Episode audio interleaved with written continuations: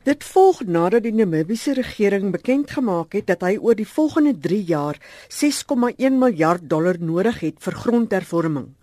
Dis om aan die vraag na grond te voldoen. Frank Higer, die verteenwoordiger van die grondhervormingskomitee vir die Namibiese Landbouunie, sê die proses het sy uitdagings. In a whole, it was envisaged to resettle 5 million hectares, of which 3.1 million hectares have already been resettled. So, in my eyes, it has been successful. But unfortunately, this is always in the eye of the beholder, for the simple reason a lot of people believe that the willing seller, willing buyer system doesn't work.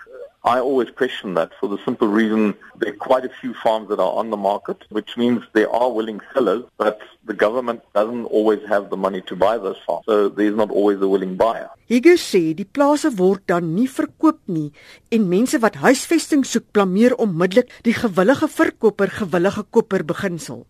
Daar is volgens hom 'n verskil tussen grond vir huisvesting en grond waarop landbou beoefen kan word.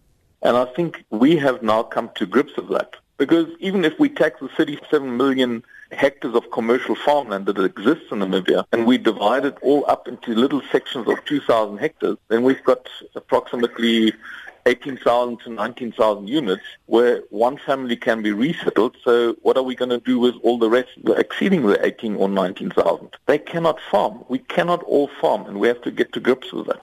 Hier gee toe dat grondhervorming vir landbou wel nodig is. My advice is to be open, positively contribute to resettlement and land reform because there are people, um, especially elderly people, where the children don't want to take up farming, sell that land to the government and have it resettled to the previously disadvantaged and help in getting the previously disadvantaged to make a success of it.